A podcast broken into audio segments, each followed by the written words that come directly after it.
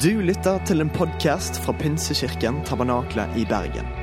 Vi tror at kirken skal være en plass hvor mennesker trives gjennom alle livets faser. En kirke for hele livet. Ønsker du å bli bedre kjent med oss eller holde deg oppdatert?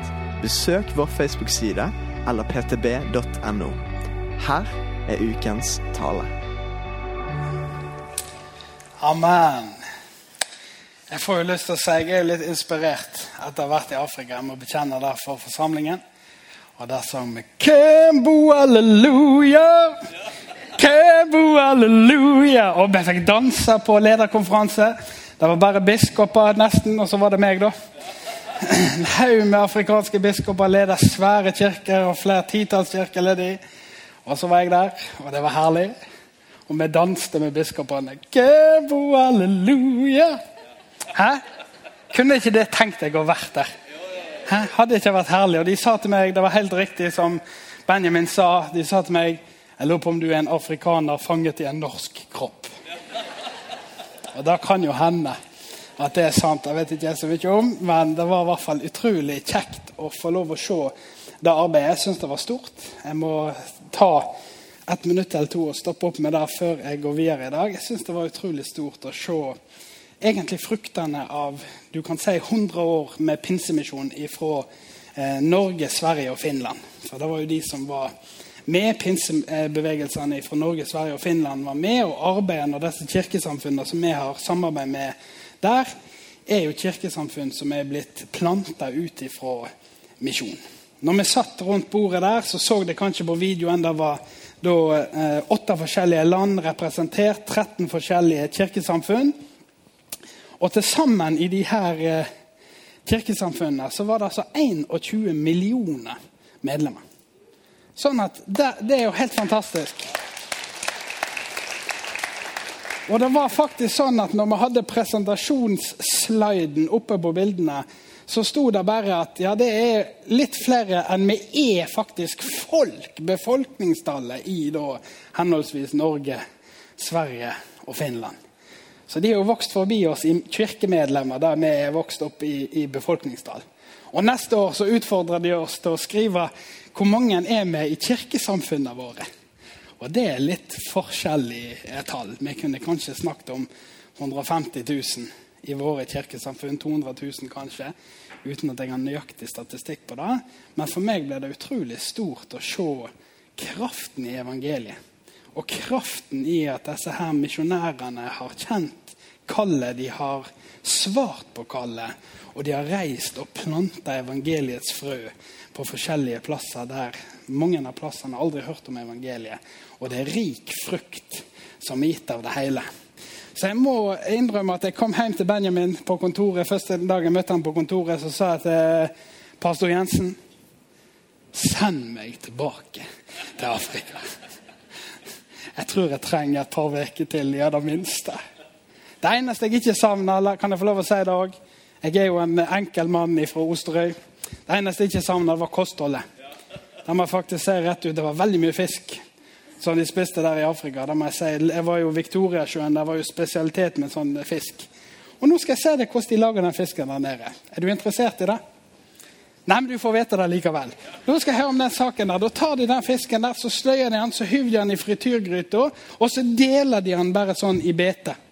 Så for eksempel, du har halen der, midten av kroppen, hodet. Og jeg fikk hodet. Mer enn én en gang fikk jeg servert hodet til middag. Jeg liker ikke fisk engang. Og nesten bare bein, vet du. Så hadde jeg vært lenger i Afrika, så hadde jeg blitt en tynn mann. Det var for helt sikkert. Men heldigvis kom jeg hjem til kjøttgrytene hos min kone, og nå er vi klar igjen. OK? Går det greit med folket? Ja, men Det ser veldig bra ut. Utrolig kjekt å være her, og en stor glede å få lov å forkynne Guds ord her denne søndagen. Eh, og jeg skal da preike ut fra Johannesevangeliet. Eh, for dere som har sittet og lytta til eller hørt forkynnelsen på podkast de siste ukene, så har vi hatt en serie gående på Johannesevangeliet. Og nå har jeg klart å snike meg inn på slutten av eh, den taleserien. Og det syns jeg er veldig kjekt, fordi at Johannesevangeliet det er en av mine favorittbøker i Bibelen. Det må jeg innrømme. Den, den boka der, den griper hjertet mitt på en spesiell måte. Eh, og jeg setter veldig pris på det rike innholdet som Johannes har eh, lagt til, og, og, og på en måte det unike med Johannesevangeliet. Tidligere taler for de som ikke har hørt den, ligger jo tilgjengelig på podkast. Der går det an å lytte til. Og Når jeg skal tale i dag, så er det spesielt slutten av Johannesevangeliet som jeg skal ta opp. Der vil det handle om Jesu død, eh, hans oppstandelse, og så vil det òg handle om et betydningsfullt møte Peter og flere av disiplene har i det siste kapittelet i den boken.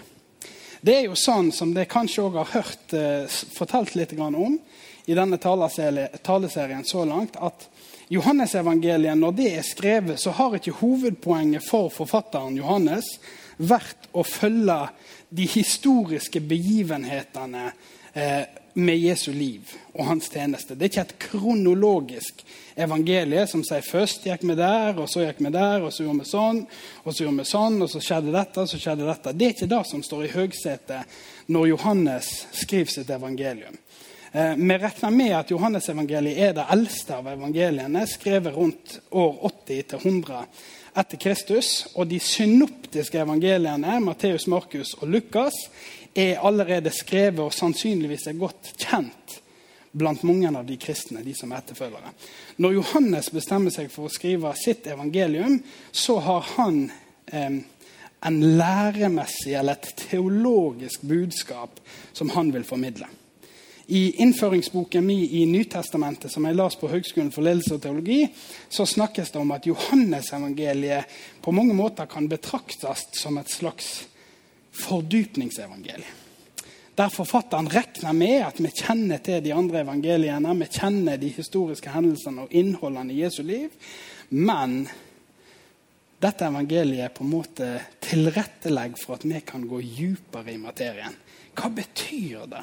Hva er de dype, åndelige, evige sannhetene som vi kan trekke ut ifra Jesu liv her på jorda. I tillegg så vet vi at Kirken de sleit litt med forskjellige lærere og all slags eh, forskjellig undervisning som ble gjort. Nå var det jo en stund siden Jesus sjøl hadde gått på jordet, eh, og han hadde en del spørsmål. Hvem var han egentlig? Han der Jesusen, Hvordan kan vi egentlig forholde oss til han? Hvordan skal vi egentlig forstå?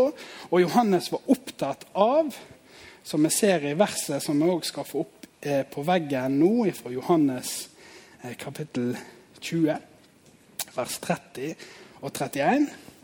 Og da står det som følger Hvis det kommer på veggen, altså må jeg slå det opp. Se her, vet du. Der står det Jesus gjorde òg mange andre tegn for øynene på disiplene. Tegn som det ikke er skrevet om i denne boken, men disse er skrevet ned. For at dere skal tro at Jesus er Messias, Guds sønn, og for at dere ved troen skal ha liv i hans navn.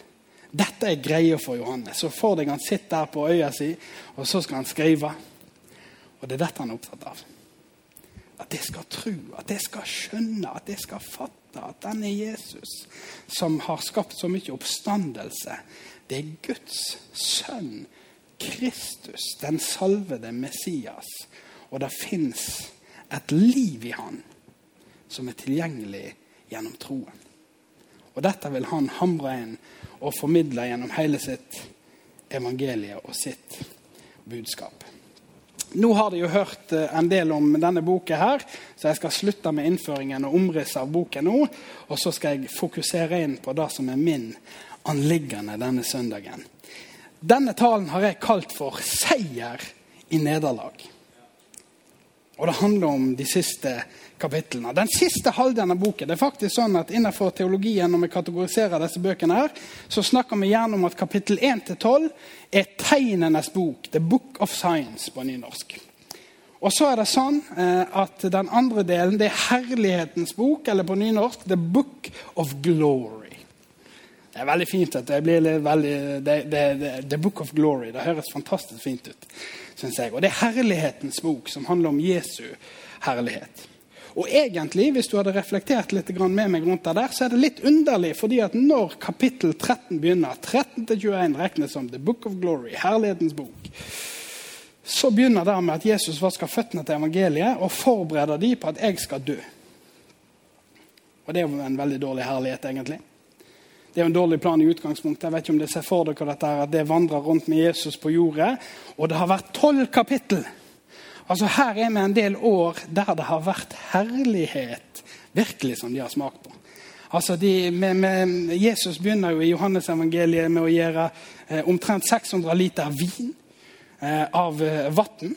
Det er jo et mirakel. Jeg sa til ungdommene på fredag eh, for at de skal kontekstualisere det. Se for deg.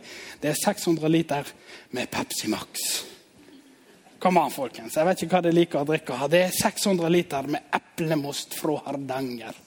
Dette her er svære greier, og det går ikke an at det blir til ifra vann. Men dette her begynner Jesus å gjøre. Så er de med på ei reise med han der de får se at blinde får synet tilbake. De får lov å oppleve at lammet går. De får oppleve at folk som er bundet og, og lenka Sånn at folk har gitt dem fullstendig opp. De har til og med låst inn og prøvd å lenke dem fast på gravplassen for de er så plaga av forskjellige onde ånder. Blir umiddelbart satt fri i møte med Jesus. Og til og med de som hører til i synagogen, når han underviser, så sier de 'Heiande mann, hva er dette for slags undervisning?' Det er ikke bare ordet, det er ikke bare fine formuleringer, men han har jo autoritet og kraft i ordene. De sitter i synagogen og hører en mann som underviser om at Gud han er helbrederen. Han kan sette fanger i frihet. Og i neste øyeblikk så ser de ei vissen hånd som strekker seg ut. There's power in the gospel, hadde de sagt i Afrika hvis vi hadde vært der nå. Og da hadde det sagt amen! Halleluja! Men det sa det altså ikke. Og det er helt i orden. Men det er kraft i evangeliet, og Jesus han bærer denne kraften med seg. Og han demonstrerer han igjen og igjen gjennom evangeliet. Er det med meg på bildet? Det er ganske greit å høre med han som disippel. Det var, no, det var mange utfordringer med det, men det skal ikke vi snakke om akkurat i dag. Men dette her er jo en ganske god plan i utgangspunktet. Sånn at vi tenker det her vekkelsesmøtet som har begynt nå, med Jesus og hans tjeneste, det må jo fortsette herifra og helt inn i evigheten. Altså, nå tar vi verden, folkens. Hvis dette hadde vært i Bergen som var utgangspunktet, så hadde vi jo ikke vært eh, tenkt noe mindre enn at nå tar vi Bergen i neste uke, og Norge uka etter det. Europa to måneder ferdig snakk om den saken så har vi tatt hele verden for Jesus. Dette blir herlig. Men hva er det Jesus begynner å snakke til disiplene? Her er det liksom på toppunktet. Alt går veldig bra. Og så sier Jesus, du folkens, jeg stikker av gårde. Det faktisk er sånn at de skal få ta tak i meg, og så skal de ta livet av meg. Så nå må dere klare dere sjøl. Og han begynner en undervisning her i denne her herlighetens bok, som faktisk er ganske utfordrende undervisning. Du kan få i hjemmelekse og lese alle disse kapitlene fra 13. Han begynner med fotvasken der. Og så underviser han på forskjellige måter disiplene om at de må klare dere sjøl. Og så sier han sånne ting. Og, og, og her, når jeg leser disse kapitlene, så, så er det en ting som virkelig slår meg igjen og igjen. At Gud sine planer, de er sannelig meg av og til veldig forskjellige enn våre planer. Altså, det, det, av og til så er Guds planer så grensesprengende annerledes enn hvordan vi ville tenkt rent menneskelig med vår fornuft, at det går ikke an å henge med på notene. Og det som jeg får noen smakebiter i disse kapitlene her, der Jesus f.eks. sier sånne ting at Hør, nå, jeg, jeg går bort. Og der som eh, jeg er, der skal det òg være. Ja vel, det var noe, egentlig en god nyhet i utgangspunktet. For du skjønner, der jeg går så kjenner det veien. Jeg går vekk, og der jeg er, der skal det òg være. Og der jeg går, der kjenner det veien. Og Thomas han er jo den eneste som tør å, å, å rekke opp hånden, liksom. Vent litt. Stopp, hold an. Vi har ikke anelse hvor du skal gå. Hvordan skal vi da vite hva som er veien? Vi skjønner jo ingenting av det her som han underviser. Men Jesus han sier, 'Jeg er veien'. Jeg er veien. Ja, det er grensesprengende for, for, de folkene der. Tenk deg, De prøver for livet å forstå informasjonen som Jesus gir. Men det er ikke så lett. Og så sier han i verden har det trengsler. Men slapp av. Jeg har beseira verden. Jeg har seira over verden. Og så kommer all denne undervisningen her og all denne forberedelsen av disiplene. Og vi leser flere ganger at de blir bedrøvet når de hører dette. De blir lei seg. Dette er ikke en god plan for deres del, men for Gud var det en glimrende plan. Og vi får høre hint allerede i undervisningen her om at når Jesus reiser, så skal han ikke etterlate oss farløse eller alene tilbake igjen på jordet, men han skal sende noen. Talsmannen Den hellige ånd, som skal veilede og istandsette til etterfølgelse av han videre. Men det er likevel tydelig at disiplene skjønner det ikke når det pågår. Og vi skjønner det fordi vi kjenner historien og vi har lest alle de andre kapitlene. Men av og til spør jeg meg sjøl skjønner vi det egentlig. Skjønner vi det egentlig? Det er lett å lese denne teksten her og lese evangeliene, og, du ser disiplene de sliter litt med, med etterfølgelse. De sliter litt om å forstå hvordan Guds veier fungerer. Og så tenker vi ja, ja. Vi skjønner hvordan det er. Men så lurer jeg av og til på, iallfall i mitt eget liv, forstår jeg det egentlig? Skjønner jeg det egentlig? For hva gjør jeg når jeg møter vanskelige situasjoner? Hva gjør jeg når jeg leser om Jakobs brev, at regn er bare for en glede når det møter all slags prøvelse? Hvem som gjør det? Det er sånn at Jeg får lyst til å ta opp en håndsopprekning, for jeg har veldig lyst til å ta og snakke med deg hvis du virkelig har brutt igjennom på dette her. At når nederlag, motstand og prøvelser kommer, så tenker du Kembo, halleluja. Come on! Dette er bra! Yes! Bilen ble ødelagt i dag. Halleluja! Jeg kommer ikke til møte i dag, halleluja, for det var kø i Fløyfjellstunnelen. Takk og lov! Jeg har en vanskelig kollega på jobben. Han plager meg fordi jeg er en frelst. Halleluja! Come on! Sjefen liker meg ikke. Takk og lov! Hei! Amen! I got a witness in the room. Can I get a witness? En dag, folkens. En dag. Å, oh, Jesus. Jesus. Men skjønner vi det egentlig? Hvordan Gud kan virke i det vi opplever som et stort nederlag, og gå på en ordentlig smell, kan være en skikkelig seier. Det er lettere sagt enn det er gjort. Og disiplene får bli forberedt på samme måte som oss. egentlig. Vi lærer, vi leser om de tingene, vi holder på. Og så går han, og så dør han. Han blir fanga. Peter han har hørt all den undervisningen her. Kjemper jo for livet for at det ikke skal skje likevel. Vi vet jo Peter, han som blir løfta veldig høyt opp på mange måter, en veldig ivrig disippel. Han er gira. Han har skjønt greiene. Og Jesus han sier 'nå skal jeg dø', og han sier 'nei, det skal du ikke'. Hør på den saken, Jesus. Jeg har mye bedre plan enn du har en bedre plan. Og han får en hard tiltale tilbake igjen av Herren sjøl. Og så, de, og så skal de arrestere Jesus i hagen. Og når de skal arrestere Jesus, hvem er det som drar sverdet? Fordi Jesus har sagt nå, hør, nå skal det skje. De skal fange meg, de skal overlate meg, eh, og de skal ta livet av meg. Peter har sagt nei. Det kommer ikke på tale med den saken. Jesus har sagt til Peter, 'Vik bak med Satan, for du skjønner ikke hva du snakker om.' Ganske hard tilbakemelding å få på en fredag. skal jeg si deg. Så kommer de og skal arrestere han i hagen. Og hvem er det som drar sverdet? Peter han gir seg ikke om den saken.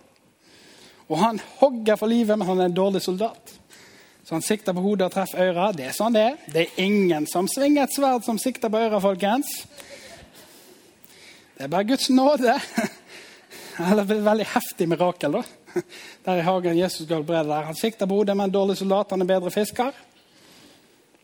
Så hogger han øret av. for Han kjemper sånn imot denne Guds plan som skal være. Og vi skal takk og lov og pris skal du også si, for at det ble Jesus' sin vilje som skjedde, og ikke Peters vilje. Og jeg tror vi kunne sagt det samme i våre liv en del ganger. Takk og lov at det var Guds vilje som skjedde, og ikke mine planer og mine tanker som skjedde. Så dør Jesus på korset. Det skjer det som han hadde sagt. Og disiplene blir eh, Om de var mismodige i utgangspunktet, så blir de i hvert fall enda mer mismodige nå. Og Vi ser og vi leser om dette, hvordan alle flykter når Jesus blir fanga. Vi leser om den kjente historien om hvordan Peter, som er den som har sagt om alle andre, den første som sa Han var den første som bekjente 'Du er Messias'. Han liksom På positivt så var han veldig raskt, men òg litt eh, eh, overivrig på andre områder. Så han sier om alle de her andre kyllingene som jeg er med nå, alle disse her andre folkene som er disipler her, om de ikke våger å stå med deg, så står jeg med deg. Så enkelt er med den saken. Om alle andre forlater deg, jeg står fast. Og han har bekjent det. Og Jesus han sier til han, Bare vent, du, det har ikke gått et døgn engang, så har du fornektet meg tre ganger. Jeg tror ikke han har noe på denne saken. Men så får vi lese om hvordan han står og lytter på han, hører på han, ser at Jesus blir avhørt. Og når han får spørsmål om hører ikke du til han der, så svarer han nei. Og Så blir han spurt igjen. Jo, jeg har nå virkelig sett deg blant hans disippelflokk. Og han sier nei. Det er ikke snakk om. Du blander meg med noen andre. Og igjen er det noen som kommer og sier til han, Jo, du hører sannelig til Jesus. Du er nettopp av han, du. Og da begynner han å banne og steike og ta fram fiskerspråket sitt for å virkelig gi til kjenne at han har ingenting med Jesus å gjøre. Jeg har aldri hørt om denne saken. Og I samme øyeblikk galer han for de som har lest historien. Og Peter han innser at det som Jesus sa, det var nøyaktig det som skjedde. Og han går ut derifra og han gråter inderlig. Her møter vi egentlig en parallellhistorie av Jesus sitt i hermetegn nederlag og Peter sitt ikke i hermetegn nederlag. Og Det går tre dager. Og det er tre tøffe dager etter Jesus spikres på korset og dør der. Og det virker som, i dette øyeblikket så virker det som at eh, til og med Guds egen sønn, til og med denne mektige profeten som kom og gjorde vel blant folkene, som betydde så stor forskjell for menneskene som levde i hans samtid. Til og med han fikk døden innersvingen på til slutt. Og det gikk med han som hadde gjort med alle de andre. Døden kom til slutt og fikk det siste ordet. Alle disse fine ordene, alle disse gode intensjonene og denne mektige tjenesten. Han ble bare 33 år. Og så reiste han derifra. Disiplene blir mismodige. Vi hører ikke mye mer ifra dem de neste dagene. Men så skjer det. Dette som Johannesevangeliet hinter til oss om faktisk hele veien. Og det er kanskje derfor vi kaller det for Herlighetens bok. Fordi at de andre evangelistene nå overdriver jeg litt, men heng med meg på poenget. De andre evangelistene fokuserer veldig mye på det som skjedde. Og du vil finne nøyaktige eller grundige beskrivelser av at Jesus leid, og hvor vanskelig og fæl den situasjonen var. Og det var, Sånn var det. Det var sant. Men Johannes, når han skrev sitt evangelium, så klarer han nesten ikke å vente. Det er faktisk sånn at det er tydelig at Jesu død på korset er tont ned i forhold til de andre evangeliene. For han klarer liksom ikke å vente med å fortelle oss hva dette betyr, det som skjedde. Ja, men Jesus skal jo bli herliggjort, folkens. Det er jo dette This is the liksom. Det er dette som, som, som er det store. Det er derfor vi nå i ca. 50-60-70 år har kunnet hatt en kraftfull etterfølgelse av Jesus, der folk har blitt frelst i hopetall fordi han klatra opp på det korset. Det var ingen som tvingte Jesus til å gå på det korset. Jesus klatra opp på egen hånd og overga sitt liv frivillig for at du og jeg skulle få tilgang til Den hellige ånd, bli istandsatt og kraftsatt til å gjøre Jesu tjeneste her på jorden. Takk og lov, halleluja, amen, kembo, halleluja. Og Johannes han klarer liksom ikke å holde tilbake den begeistringen der. Så det kommer, det kommer igjen og igjen, og du vil se det når du leser igjennom. Ja, men Han skal bli herliggjort, han skal bli løftet opp, han skal bli stor. Og det er en ny tid for oss.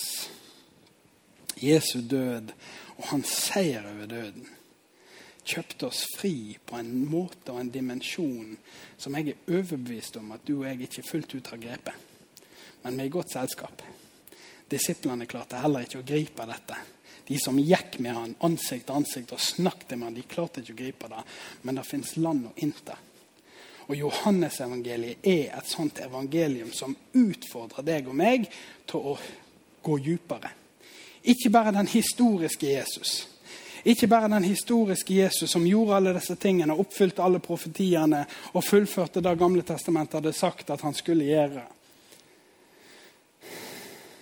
Men den Jesus som seirer så ettertrykkelig over døden, over mørkets makt, at vår stilling, du og jeg som sitter her i dag, blir faktisk totalt forandra. Den tilgangen som vi fikk etter korset, er så diametralt forskjellig fra den tilgangen vi hadde før. Den hellige ånd utøst fritt. Uten hinder. På grunn av at synden som sto mellom oss og Guds herlighet, ble tatt vekk, vaska rein med Jesu dyrebare blod. Forhenget som skilte oss fra å gå inn, virkelig inn framfor Gud, revner. Og du og jeg kan gå rett inn til nådens trone. Vi kan gå rett inn. Det er ingen mellommann. Vi må ikke leie inn en prest. Det er ikke sånn at vi må leie inn en prest. Vi må betale han i rikt monn og ha med oss tre-fire okser og et par kyr og noen sauer fra Mollekleiv. Vi trenger ikke det der. Vi kan gå like inn for det offeret som er gitt, er gitt én gang for alle. Og det fins ingen makt, ingen kraft, ingen styrke, ingen på jord eller i himmelrommet som kan skille deg fra Kristi kjærlighet, Guds kjærlighet, gjennom Kristus Jesus. Hæ? Det er faktisk et halleluja-øyeblikk som vi får oppleve her. Det er et takk og lov og pris-øyeblikk. Det er et øyeblikk som gjør at tilbedelsen vår av Han kan strømme fram herifra og helt inn i evigheten. Det er det vi får oppleve, det er det Johannes-evangeliet så sterkt poengterer for oss. Det så ut som et vanvittig nederlag, folkens, men det var en eksepsjonell seier. Og som en sluttbemerking her så får vi et eksempel på hvordan dette også kan se ut i et menneskes liv gjennom historien om Peter. Jeg tror at Johannes tar med denne siste kapittelet, denne historien som egentlig kun han forteller om her, om Peter eh, som skal bli fisker igjen. For Peter har gått på en smell, folkens. Peter han tapte på ordentlig. Er det med meg på den her? Skjønner dere? Dere har sikkert hørt det utrolig mange ganger, men jeg sier det igjen. Peter hadde så vanvittig høye bekjennelser at fallhøyden for han var utrolig stor.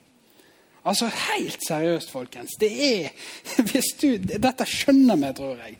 Hvis du sier 'jeg har greiene', det er jeg som har skjønt det, 'this is the stuff' Hvis du gjør sånn som jeg sier, så blir dette bra. Det er forferdelig flaut, folkens. Utrolig pinlig når det viser seg at vi har ikke skjønt noen ting. Jeg er ekspert, jeg kan alt om denne her saken. Men så viser det seg at du kan ingenting. Det eneste du kan, det er ingenting.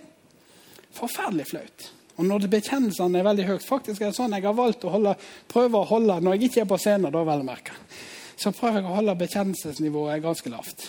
Faktisk på scenen òg. At det iallfall skal være et samsvar mellom livet som jeg lever, og bekjennelsen som kommer ut av min munn. Men Peter han kjører full gass. Og så går han på denne vanvittige smellen som, som rammer han helt inn i sjela. Og det fins et begrep som igjen nynorsk, jeg får beklage det. The dark night of the soul. Og Da tenker vi litt på Johannesevangeliet kapittel 21. The dark night of the soul. Sjelens mørke natt.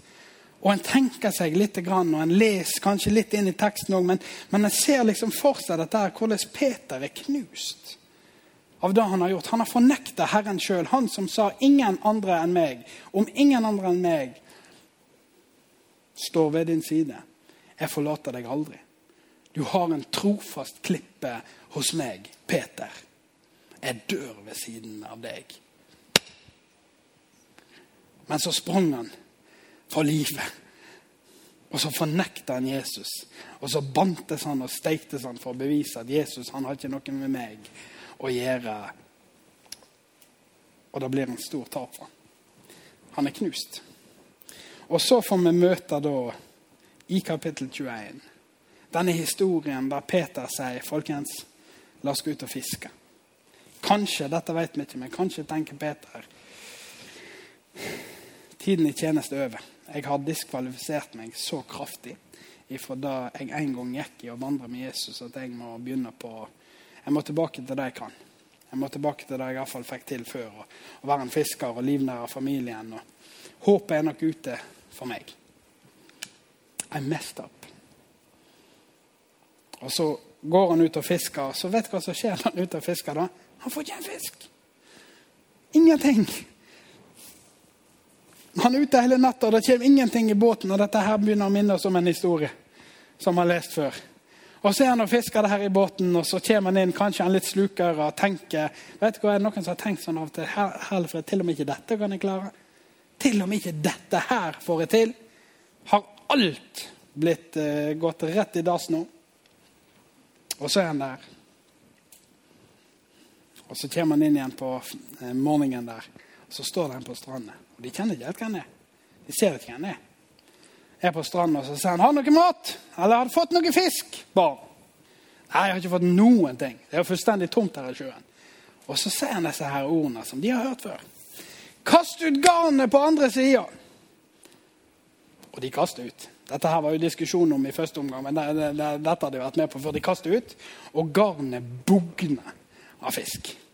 Da sier Johannes da er vitnesbyrd her, da sier Johannes det er Herren! Det er Herren som står der! Og Peter han blir faktisk veldig begeistra i det øyeblikket. der. Så han binder opp seg. Han har ikke tid til at båten skal ro inn mot land engang. Han kaster seg i land, kommer framfor Jesus og får prate med han. Og så får vi lese en historie. Jeg har lyst til å lese disse versene til dere fra Guds ord.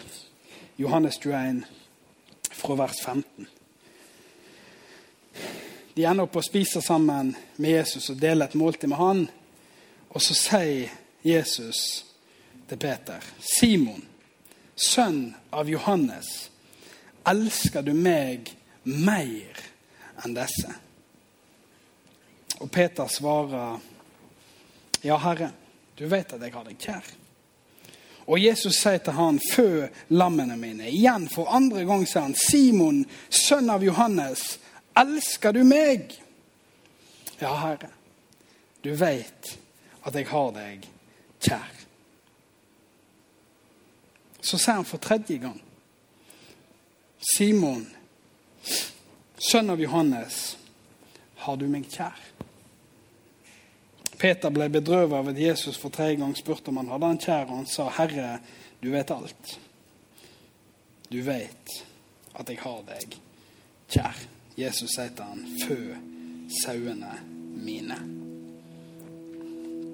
Hør denne dialogen mellom Jesus og Peter, der Peter har fornekta Herren tre ganger. Peter var den som hadde de store bekjennelsene og de store ordene. Og Jesus drar på og han sier, 'Peter, elsker du meg mer enn disse?' Og Peter svarer, 'Ja, Herre, du vet at jeg har deg kjær.' Legg merke til at Peter våger ikke å si med samme styrke som Jesus spør han om. 'Elsker du meg?' Agape. Men han sier, har deg kjær'. Og igjen så ser vi neste spørsmål. Jesus sier, 'Elsker du meg?' På høgste nivå av kjærlighet. Og Peter han våger ikke å gå helt opp, men han sier, 'Du vet jeg har deg kjær'. Jeg er glad i deg. Det er litt sånn Elsker du meg? Ja, jeg er glad i deg. Elsker du meg? Ja, jeg er glad i deg. Og så møter Jesus han der han er. Og så sier han, 'Peter, er du glad i meg?' Og Peter forsvarer, ja, Herre, jeg er glad i deg. Og kanskje les vi litt her i teksten at Peter, som før alltid bekjente mer enn hva som egentlig var sant, får lov å møte Jesus der han faktisk er. Og at Jesus nesten tester han. 'Elsker du meg mer enn disse?' Og han svarer, 'Jesus, jeg har deg kjær. Jeg er glad i deg.' 'Elsker du meg, Peter?' Jeg, er glad i deg. Og så får han møte Jesus der han faktisk er. Der Jesus sier 'Er du glad i meg, Peter?' Og han kan svare. Han kan si 'Ja, jeg er glad i deg'. Og jeg lurer på, folkens, om dette her er et ord til oss som vi må ta til oss. At la oss ikke være de som hele tida tenker at vi skal møte Jesus der vi burde være. Han burde kunne sagt 'Ja'. Jeg elsker deg med alt jeg er og alt jeg har. Jeg gir alt for deg, Herre. Du fortjener hele livet mitt. Jeg dør for deg. Han visste at det var det riktige å si, men han hadde lært at det ikke er sant. Og jeg vil heller leve ekte med mine ord og ekte med mitt liv, sånn at Gud kan få møte meg der jeg er, og løfte meg opp. Peter, folkens, ender opp med å bli stor blant apostlene.